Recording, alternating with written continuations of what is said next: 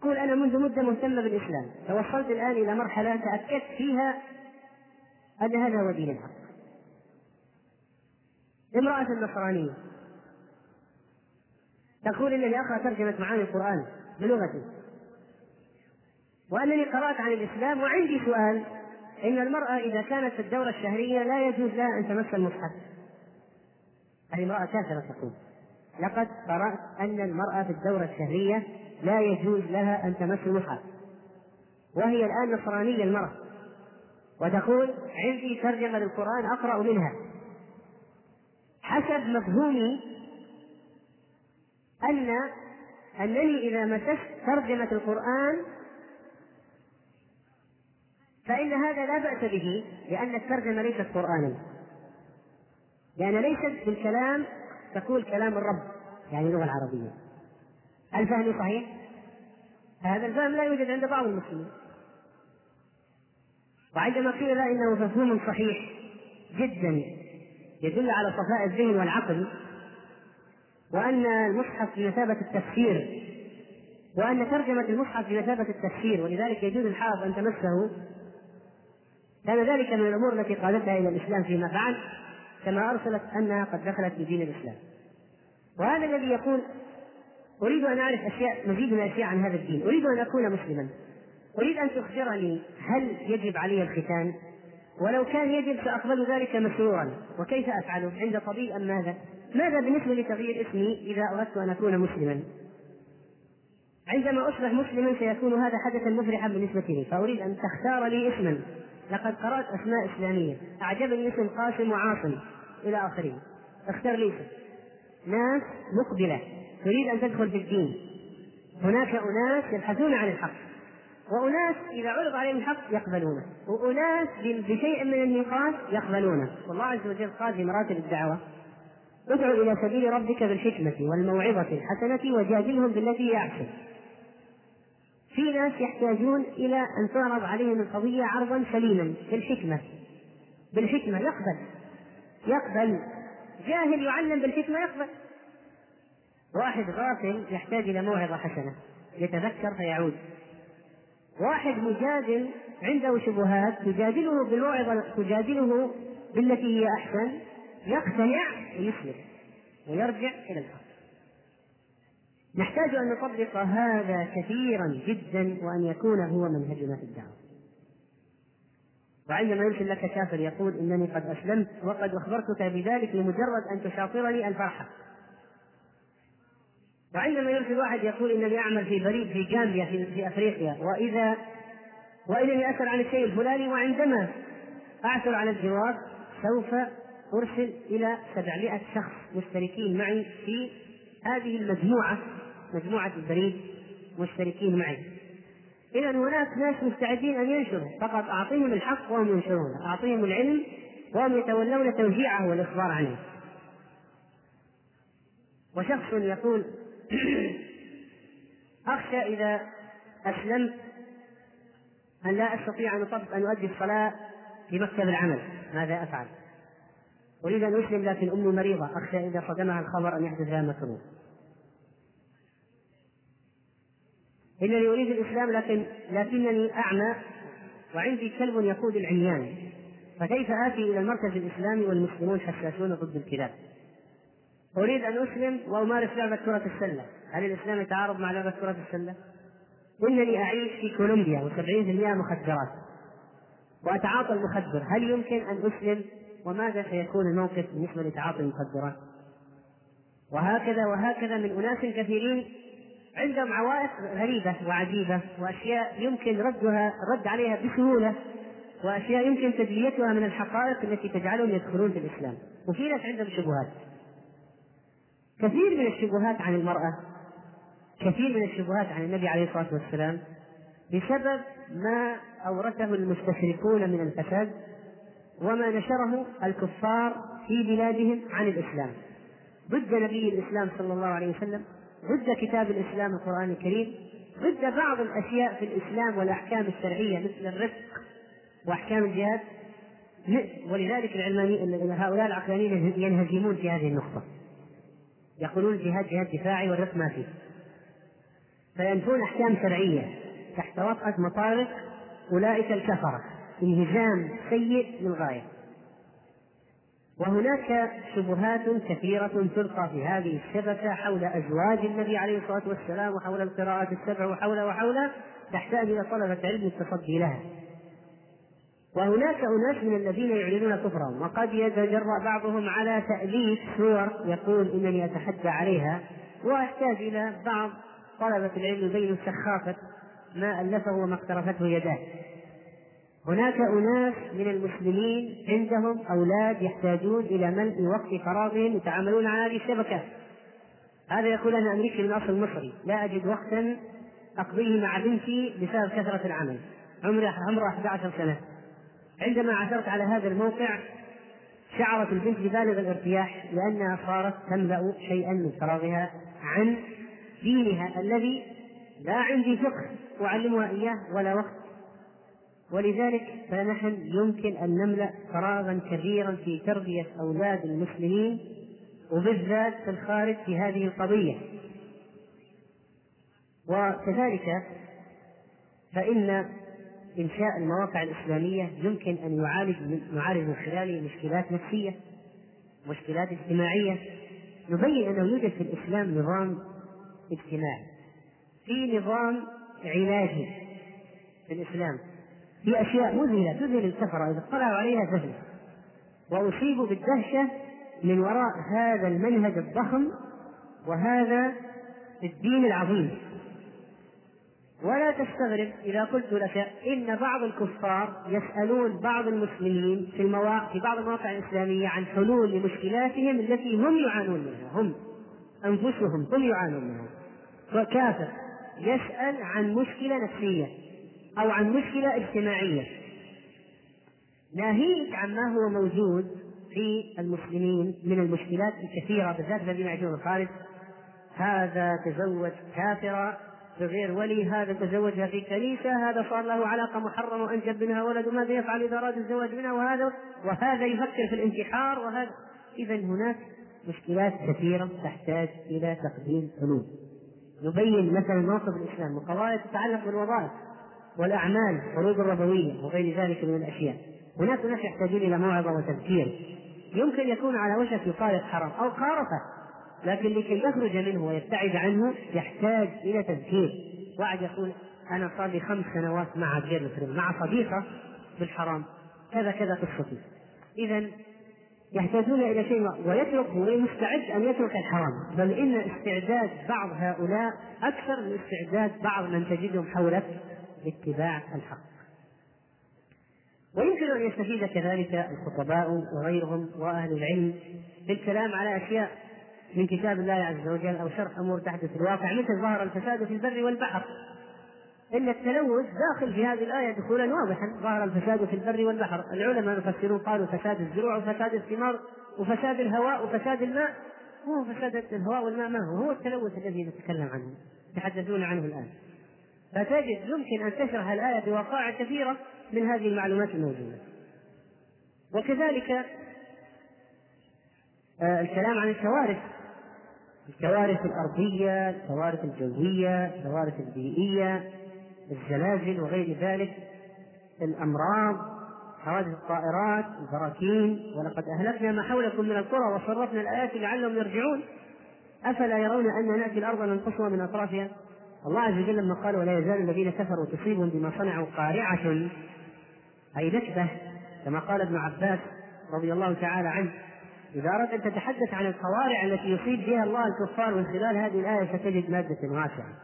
وإذا أردت أن تتحدث عن أثر الانحلال والانحرافات الجنسية في انتشار أمراض الإيدز وغيره وتشرح حديث النبي عليه الصلاة والسلام لم تظهر الفاحشة في قوم قط حتى يعلنوا بها إلا فشى فيهم الطاعون والأوجاع التي لم تكن مضت في أسلافهم الذين مضوا. رواه ابن الحاكم الصحة رحمه الله. يمكن أن تأخذ معلومات كثيرة جدا لتشرح هذا الحديث على ضوء الواقع. هناك اعترافات للكفار يمكن أن تجدها في كلامنا عبر الشبكة في أضرار المخدرات وأضرار الخمور وأضرار العلاقات الجنسية وغير ذلك. يمكن أن نقدم خدمات كثيرة جدا للجاليات الإسلامية في الخارج مثل معرفة أوقات الصلوات اتجاه القبلة أماكن درس الحلال الحجاب الإسلامي وشروطه وتفصيل الحجاب الإسلامي قصص الأطفال المكتبات الصوتية الكتب الإسلامية. لا بد من إنشاء محطات إسلامية تعتني بالأسرة المسلمة في الداخل والخارج وتملا أوقات النساء والأطفال بالاشياء المفيدة. وكذلك أن أن تقدم من خلال هذه المواقع الصله للمسلمين بالخارج في بلاد الإسلام والحماية ضد الكفر الذي يعاني من ضغوطه المسلم الذي يعيش هناك. ومواقع تقدم التحليلات الإسلامية للأحداث العالمية وتتحدث مواقع تتحدث عن المشاريع الإسلامية الخيرية للمساهمة فيها ومواقع تتحدث عن سبل المجرمين وبيان موقف الشرع منها ولتستبين سبيل المجرمين وكذلك عن سائر المنكرات والأشياء التي يمكن أن تنبيه عليها والشرور التي ينبه على الناس لأجل تجنبها. وكذلك فإن هذه آه، الشبكة لا تخلو أيضا من الفوائد التي يمكن أن يكون فيها شيء من الرزق الحلال. عبر هذه التجارة الإلكترونية المتقدمة التي تهدد حتى بالاستغناء عن العملات بحيث يكون هناك نقود إلكترونية. وأيضا هناك ما يعرف الآن بدراسات حول البصمة الإلكترونية بصمة الصوت والعين على الإنترنت. وهذه كوسيلة إثبات في العقود. ولذلك نحن نحتاج إلى أبحاث شرعية من علمائنا المعاصرين حول قضايا الشراء الإلكتروني وما يتعلق به. ما هي هذه النقود الإلكترونية ما هي هذه البصمة الإلكترونية كوسيلة للإثبات وغير ذلك من من كيفيات الشراء والبيع مثل هذه الشبكات التي تبيع الأسهم. شبكة مثل ناسداك وغيرها التي تتم التداول فيها بالأسهم. ما حكم التداول بالأسهم عن طريق الشبكة؟ هناك شروط كثيرة موجودة ما هو الحكم الشرعي في التعامل بالأسهم عن طريق الشبكة؟ شراء العملات شراء الذهب إلى آخره.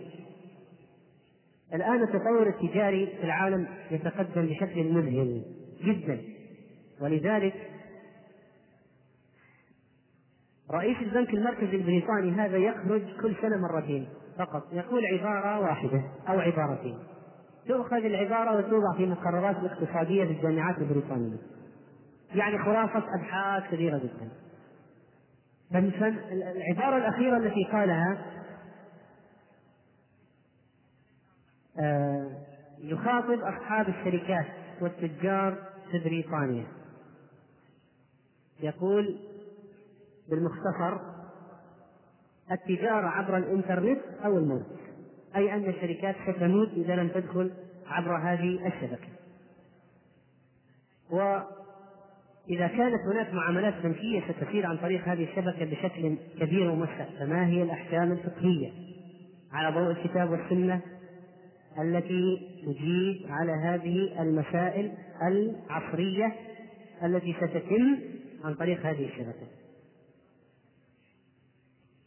لا شك أن ممارسة الشراء عن طريق هذه الشبكة يمكن أن يريح بعض النساء من النزول إلى الأسواق لكن طبعا نحن نخشى من أي شيء؟ تبذير الأموال عن طريق الشبكة ثم النزول إلى الأسواق للمعاكسات وتسجية الأوقات.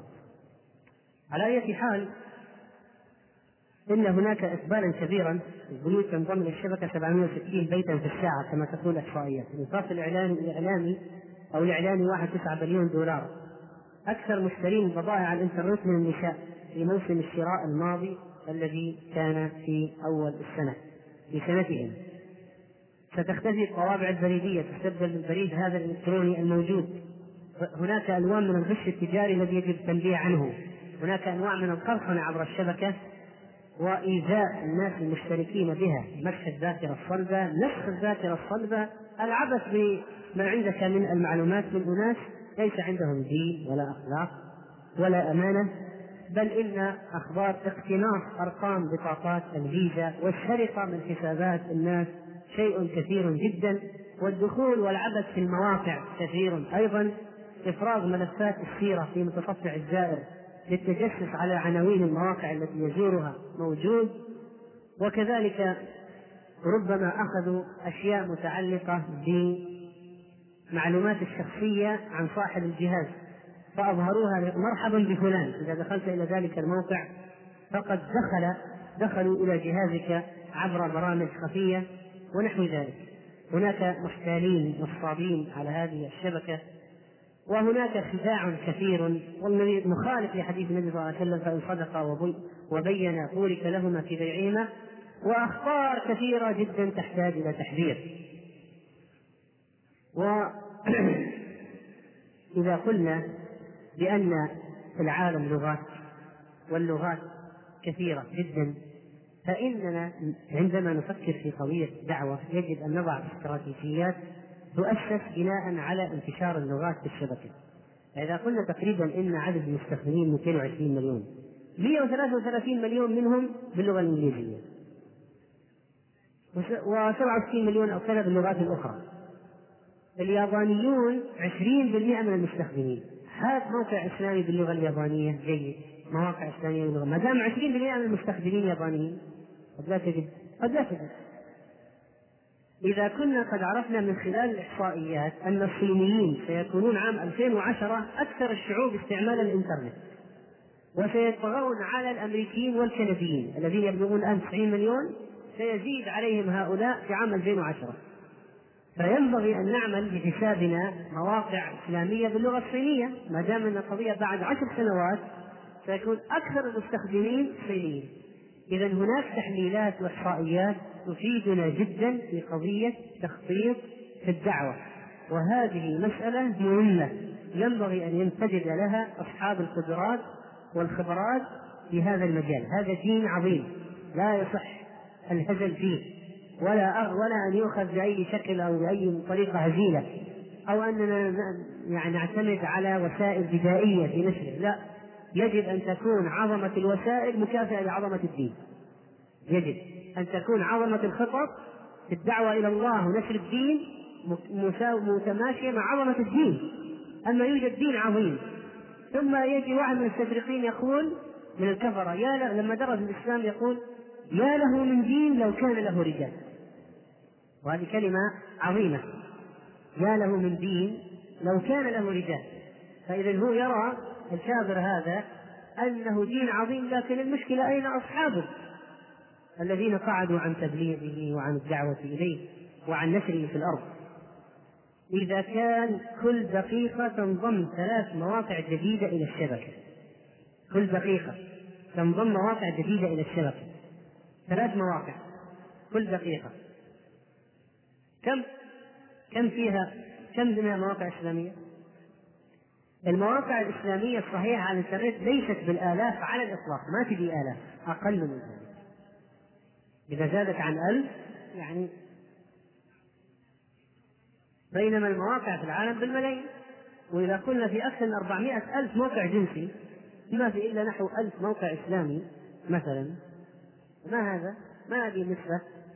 هو إذا كنا نحن خمس سكان العالم خمس مليارات ونحن مليار. طيب؟ أين تمثيلنا وحضورنا؟ أين حضور هذا الدين على المستوى العالمي؟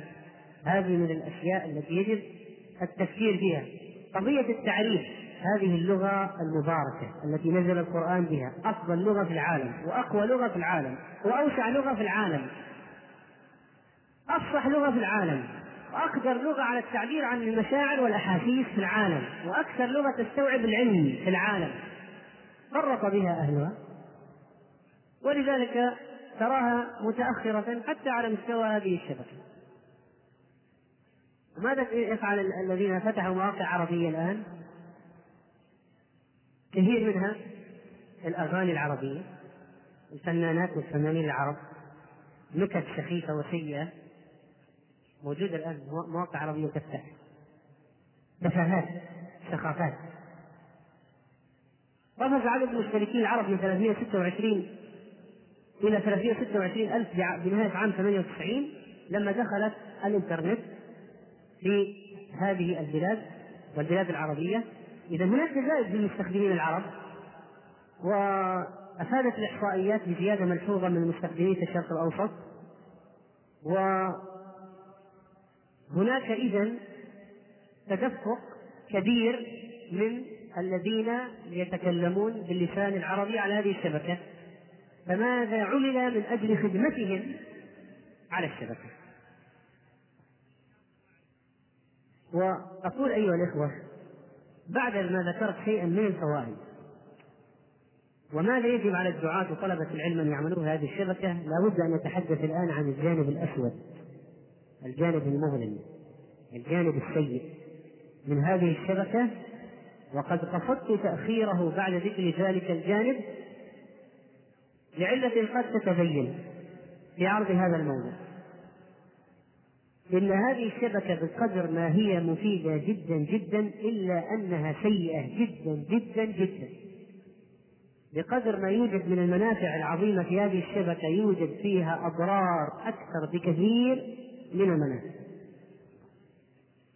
وقد انتبه الكفار لهذه الأشياء حتى على مستوى أطفالهم وعلى قضية الإدمان في هذه الشبكة. يقضي الطفل الأمريكي من ستة إلى عشر ساعات أسبوعيا على الشبكة وعندهم نقلة انتقال من التلفزيون إلى الإنترنت ومستقبلا سيكون الجهازان في شيء جهاز واحد.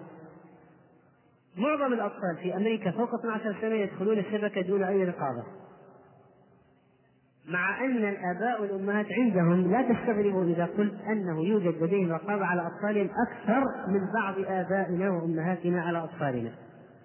وقد قررت المحكمة العليا الأمريكية عدم دستورية القانون الذي أصدر بمنع نشر مواد إباحية على الإنترنت تاركة حماية الأطفال على آبائهم بواسطة برمجيات خاصة.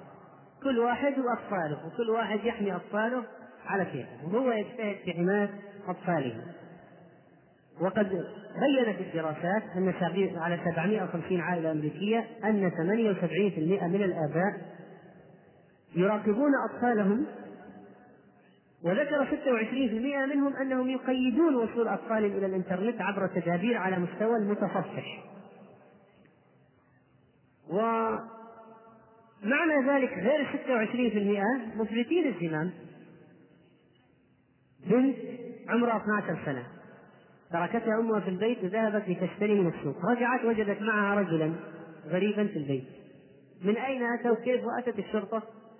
كتبت بالتخاطب عنوان البيت مع واحد جاء للبيت دخل البيت. آه الأطفال عندهم يسألون على الإنترنت وحكم شراء الطفل. آه لابد أن يبين من الناحية الفقهية. 78% من الآباء والأمهات يشكو يشكون يشكون في فائدة الشبكة لأطفالهم من كثرة الأضرار الموجودة. بل إن كثيرا من الكفار هناك قد بهتوا وذهلوا من الخلاعة والفساد والعهر الموجود في الشبكة قالوا ما كنا نتصور الآن فكر كيف واحد كافر يقول ما كنا نتصور أن العهر بهذه الدرجة. هذا واحد كافر يقول. في مجتمع انحلال فالأطفال في خطر داهم إذا وأطفالنا إذا ساروا على نفس المنوال ودخلت الشبكة البيوت فإن العاقبة هي الويل والثبور والوقوع في عظائم الأمور ولا شك أن كثيرا من الأولاد سيكونون أخبر من آبائهم بهذه الأجهزة الإلكترونية الحديثة. وواضح أن الجيل الجديد متفوق إلكترونيا على الجيل الذي قبله. ومعنى ذلك أنه يمكن أن يحدث إفساد فساد عظيم جدا جدا في البيوت. لا تتخيله الآن إطلاقا. لا تتخيله من وراء دخول هذه الشبكة إلى البيوت القضية الخطيرة الأخرى أيضا انتشار مقاهي الإنترنت التي صارت وسيلة من وسائل الاستثمار والربح الأرباح تحقيق الأرباح. وقد بدأت قضية المقاهي مقاهي الإنترنت للنساء أيضا وللعوائل.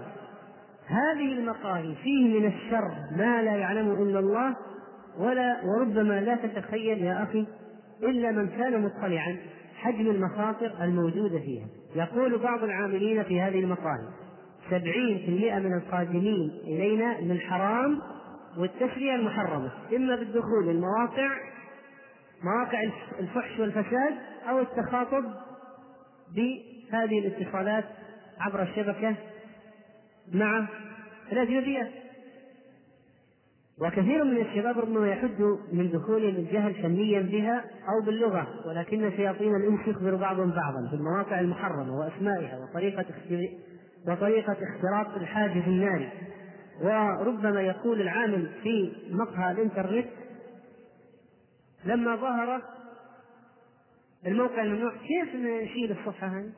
كيف نشيل الصفحة هذه؟ إذا المسألة مسألة خطيرة. وعندما جاء واحد إلى أحد مزودي الخدمة يقول أريد أن أشترك لكن ممكن أشوف؟ يعني إيش تبغى تشوف؟ قال يعني أشوف مثلا يعني آه، أشياء فنية آه، فرق يعني فرق مثلا وأشوف Spice Girls أبغى أشوف يعني فرق غنائية بعدين في الأخير يعني أبغى أشوف كل شيء يعني. فعطنا الآن هل في أمل؟ ولا أنا ما أبغى أدفع فلوس على الفاضي. أدفع فلوس أخسر أخسر ما أخسر فلوس على الفاضي. إذا أبغى أدخل دخلوني ولا خلوني ما أحط فلوس. 85% في أمريكا يدخلون على مواقع إباحية 90% من الشباب بالإحصائيات في بعض الدول العربية يدخلون على مواقع إباحية الشباب أينما كانوا تلاحقهم الشهوات. والاستخدامات فيه فماذا تتوقع إذا دخلوا بعض هؤلاء أحداث إلى مقاهي الإنترنت؟ ماذا تتوقع؟ يدخل واحد إلى المقهى تعبر فيه رائحة الدخان وهناك غرف مغلقة وشاشات في محلات خاصة حتى يأخذ كل شخص راحته وعندما تفتح temporary internet files under windows ترى ما يهولك من يعرف هذه القضية من المواقع السيئة التي دخل عليها التي تترك عمدا في بعض المقاهي لكي يقع في الشر الآخرون وعندما يجلس الواحد في هذا الجو يريد أن يلاحظ هذه الأشياء التي يأتي بها هؤلاء الشياطين ماذا تتوقع أن تكون النتيجة؟ عندما يقومون بالتخاطب المباشر مع النساء على مستوى العالم وربما تستخدم تقنية الصوت والصورة بالإضافة للكلام الذي يكتب. ماذا تتوقع يا أخي المسلم؟ عند فإذا غير قضية المواقع الإباحية عندنا قضية التخاطب من أعظم أبواب الشر والفساد. يكتب فيها كل ما هو سيء لا يحب الله الجار بسوء منكم ويكتب فيها كل ما هو فاحش. ما كان النبي صلى الله عليه وسلم فاحشا ولا متفاحشا.